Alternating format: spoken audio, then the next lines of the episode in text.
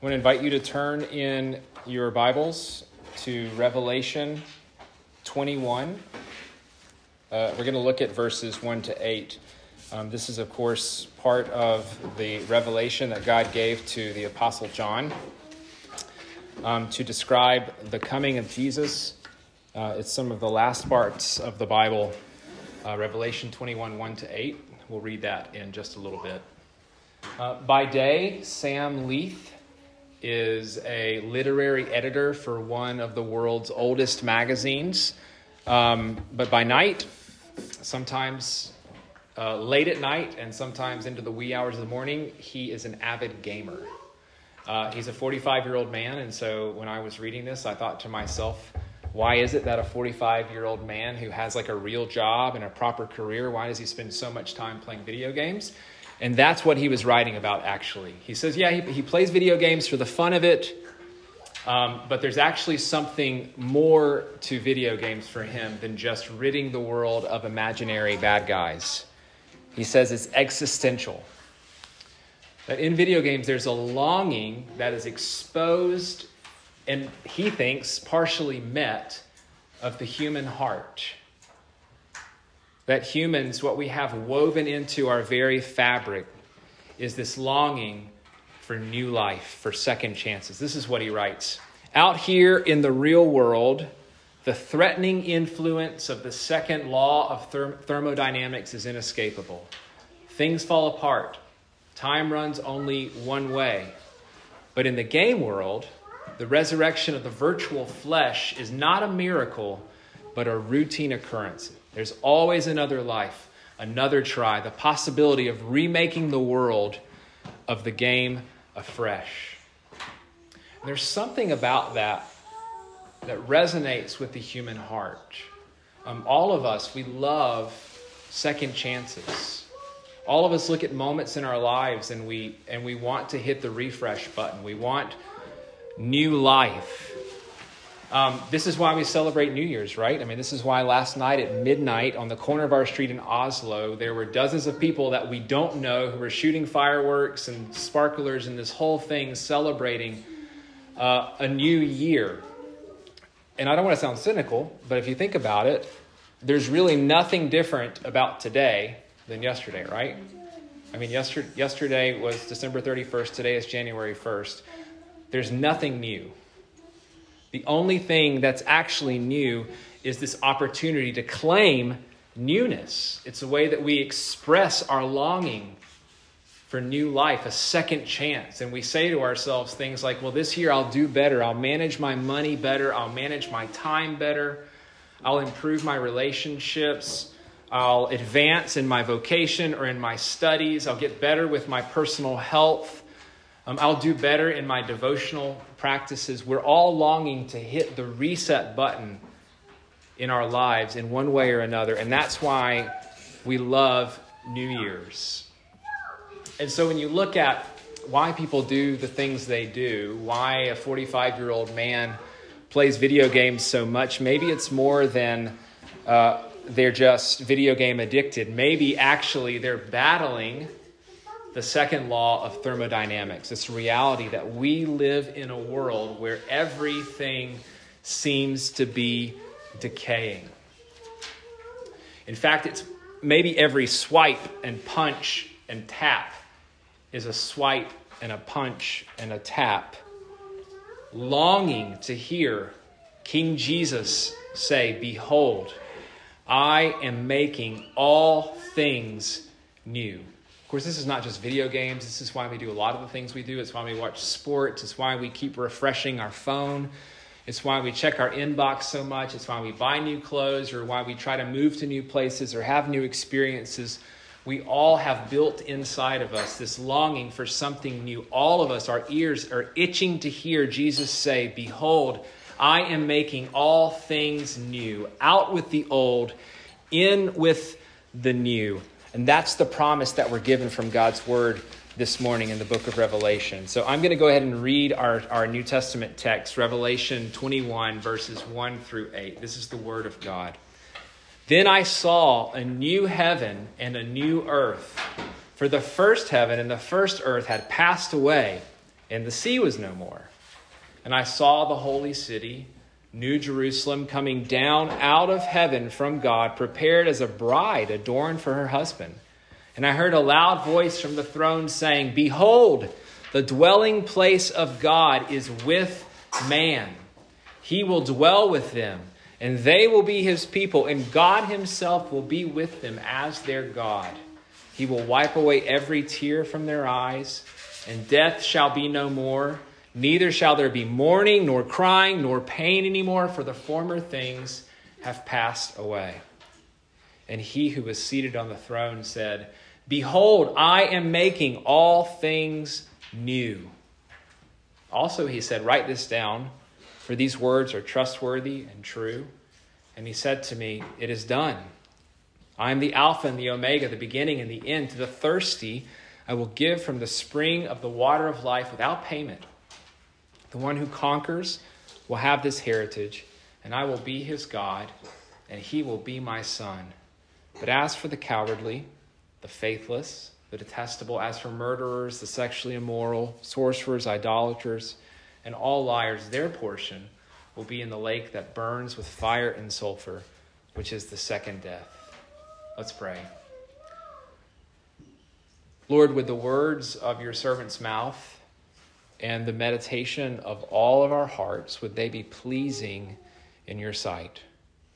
Our Lord, our rock, our Redeemer, this we ask you in the name of Jesus. Give us your Spirit. Amen. Out with the old, in with the new. Before Jesus says, Behold, I am making all things new, he actually uses another, he sets it up with another behold statement in the text. He says, Behold, the dwelling place of God is with man. And one of the reasons he does that is because he wants to invite us into what would it be like not would it be like, what will it be like when the Lord Jesus returns and comes to make his home with us? What will it be like when Jesus brings the life of heaven to earth? And he tells us, well, it means that the old passes away. The first creation, the first earth and heaven, which is what it's called here. He says, those things will pass away. The former things will pass away. What sorts of things pass away? I don't know that it's that all material things as they're experienced here and now are, are, are, passing away, but certain things we can say for sure are going to pass away. Things like chaos, danger. Um, in those days, to John's original audience, the, that was represented in the sea. That's why he alludes to the sea passing away. But he's really explicit. Other things like tears, death, mourning, crying, pain, all of those former things that represent decay, all of those things that were part of the first creation after the rebellion of mankind will pass away. Out with the old. Uh, last week in New York City, uh, it was it was on the news again this year, but um, they celebrated what has been called Good Riddance Day.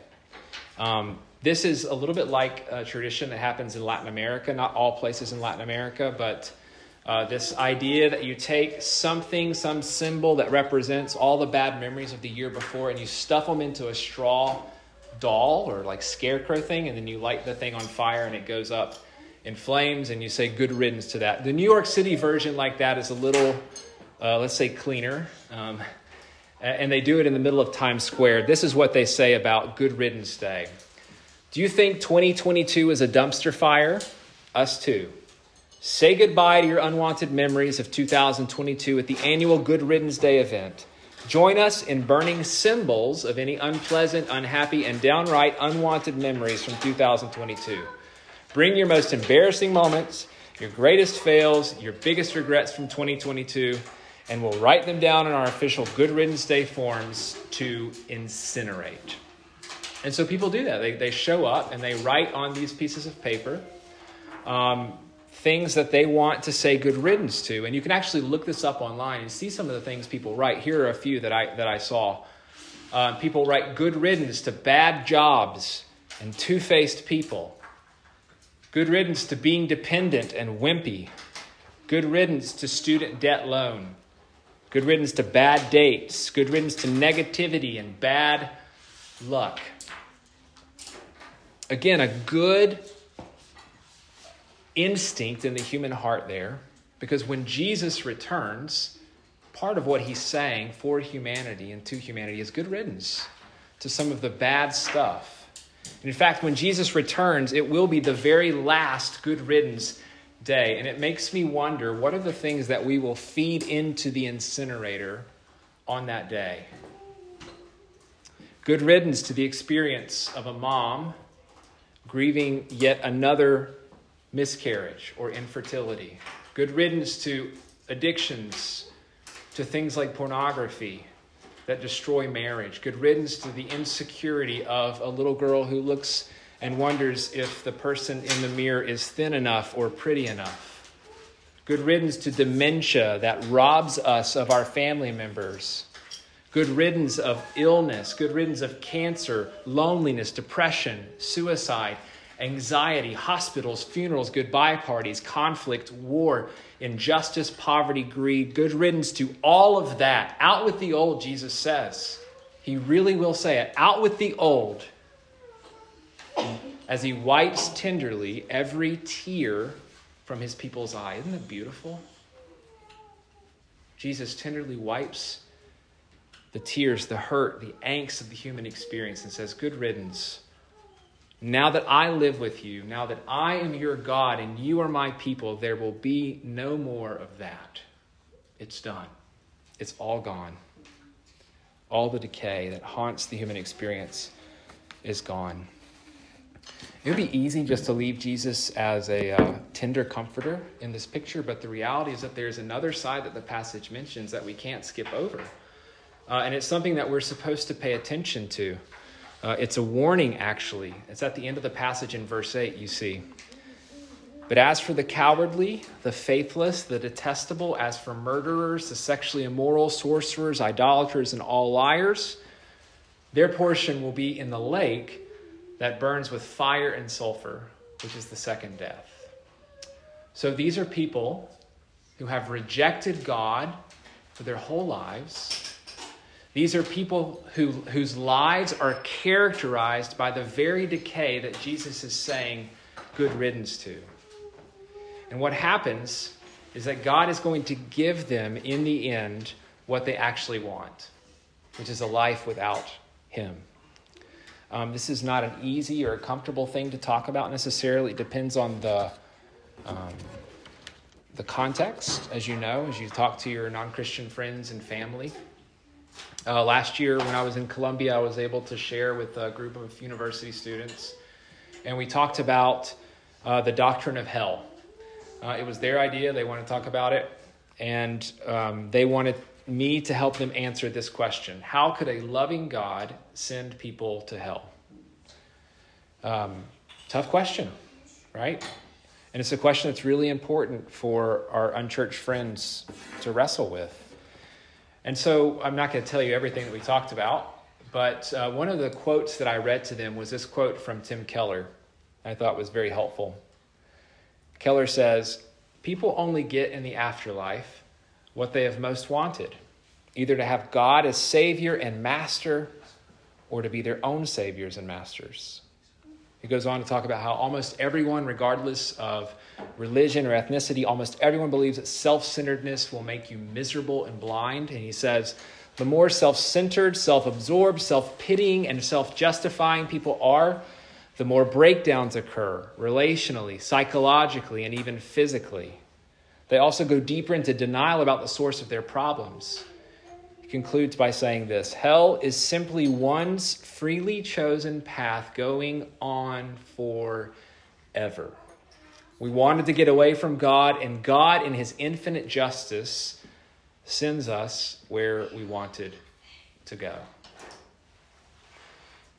It would be great to just skip over verse 8 and all the stuff that the Bible has to say about hell. Many of Jesus' own words, but we can't do that.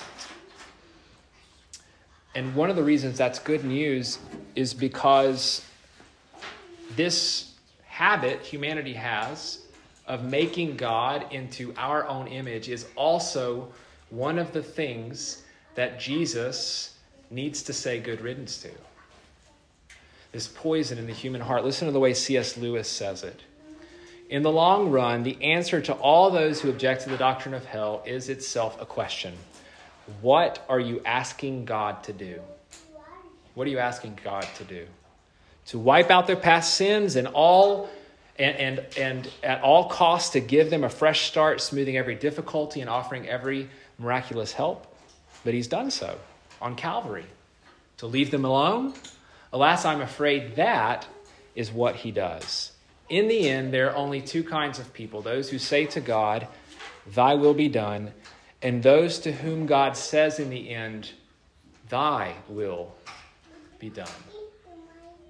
Out with the old.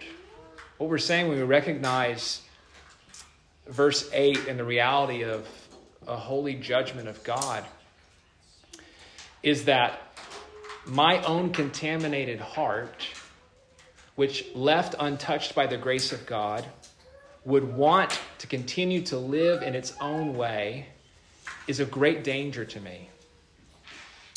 And we need Jesus to look at hearts like that and say, Good riddance. Even in my own sinful condition, still, yes, made new in Christ, but my own sinful condition.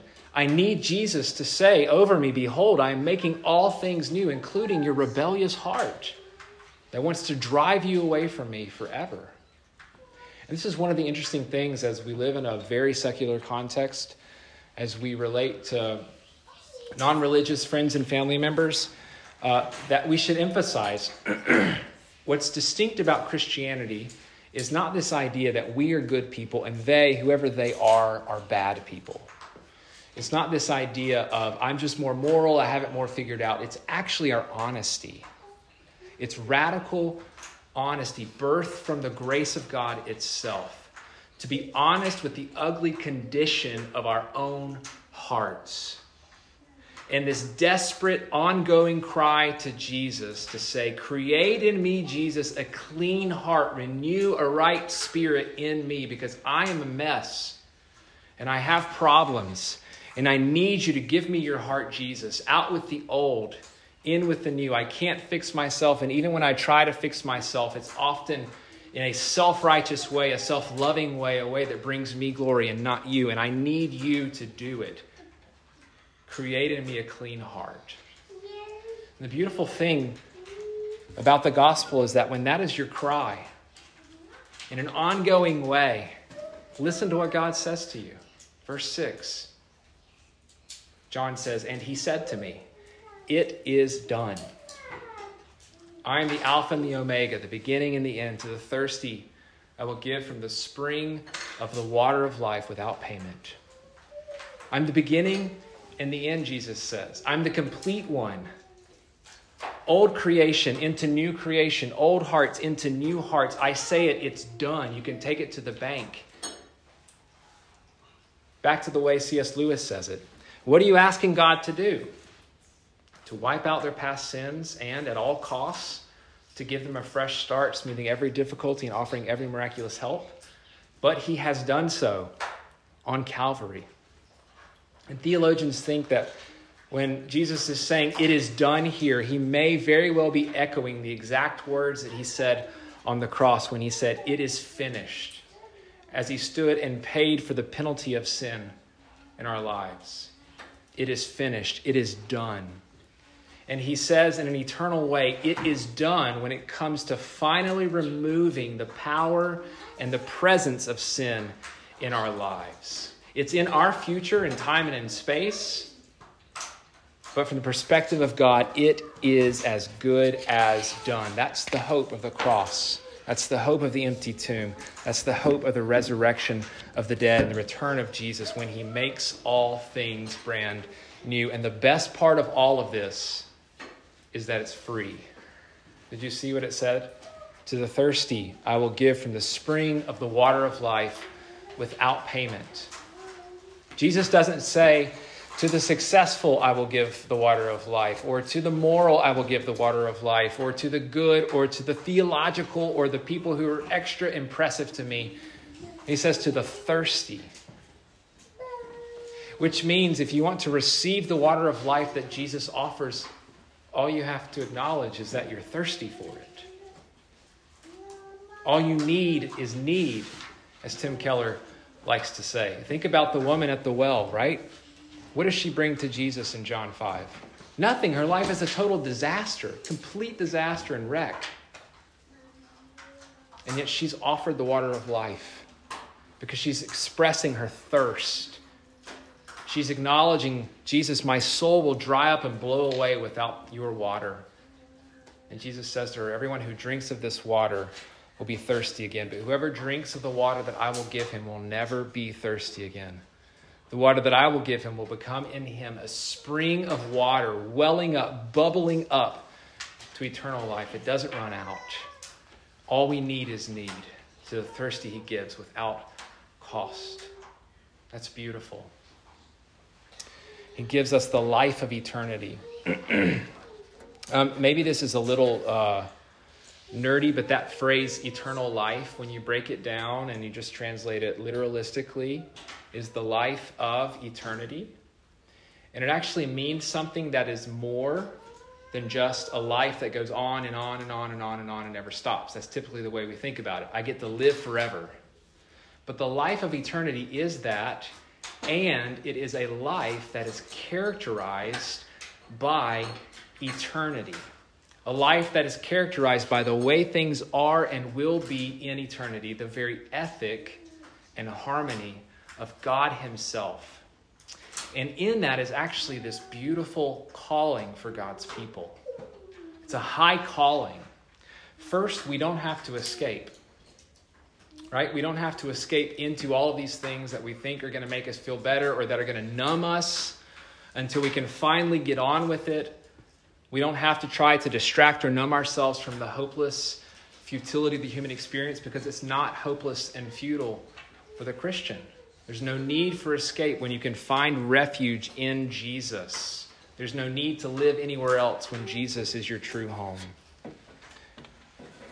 But the second part is that we don't escape into those things and we don't escape away from the world in which we live. And I find this particularly challenging, especially raising children.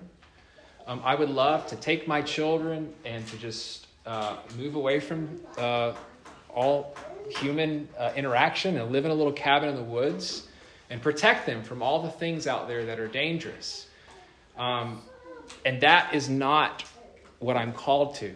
As much as I'd like to do that, first of all, it wouldn't be healthy because then they would just fester and stew in the sin that my wife and I uh, experience, right? So they would still be impacted by us and by their own little hearts. But the, the real reason we don't do something like that is because of the shape of the gospel. Uh, this is what I mean. Heaven is where our souls go when we die, but the new earth is the final creation. Right? Out with the old, in with the new. The new earth is our final destination. Resurrection life, eternal life that we experience with Jesus. It's a real physical reality. N.T. Wright says it this way Jesus' resurrection is the beginning of God's new project not to snatch people away from earth to heaven, but to colonize earth with the life of heaven. To colonize earth with the life of heaven. He says that, after all, is what the Lord's Prayer is all about. Your kingdom come, your will be done on earth as it is in heaven. It's from heaven to earth. That's the shape. That's the shape of creation. When God speaks the earth into existence. That's the shape of the incarnation when Jesus enters into our experience. That's the shape of eternity itself, and it should be the shape of the Christian life. And so we don't disengage with the world around us. We don't just escape and wait until we die so we can experience the life of eternity. We have to invest here and now, no matter how hard and scary it is. We cultivate life here and now because that's what we'll do when we spend the rest of eternity with Jesus when he makes his permanent home with us. Out with the old, in with the new. Second chances. Let me finish by telling you this story. Uh, back in 2015, I think it was CNN or maybe other news groups that did this story uh, on an elderly man named John Helensky. Um, John had been homeless and sleeping on a cardboard box for three years. He was homeless, he was nameless. One day he stumbles into this homeless shelter. Uh, no ID, no money. To get back on his feet, he's, he's facing, at least in a U.S. context, maybe the same here, but this tangled up bureaucratic mess, uh, which is likely impossible. And frankly, most people in those situations look at someone like John and they say, Well, here's a warm cup of soup. Good luck. God bless you. I hope it all works out. Um, John met a man who was not going to say that. His name was Charles. It was he was his new caseworker. Charles wanted to see John get back on his feet. He wanted to see John have a second chance in life. And so what did he do? He got close to John. So close that he started to untangle some of the mess.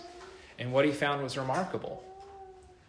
Rediscovered John's identity, got him all the documentation he needed, which led to a bank account, which led to, uh, uh, uh, to this realization that this bank account attached to his Social Security payments was full of money because it had been growing over the, over the years and accruing interest. And so John went from being homeless almost instantly to being a home owner. He got the second chance, a new life. Jesus is offering us new life in Him a second chance to go from homeless to home in Christ.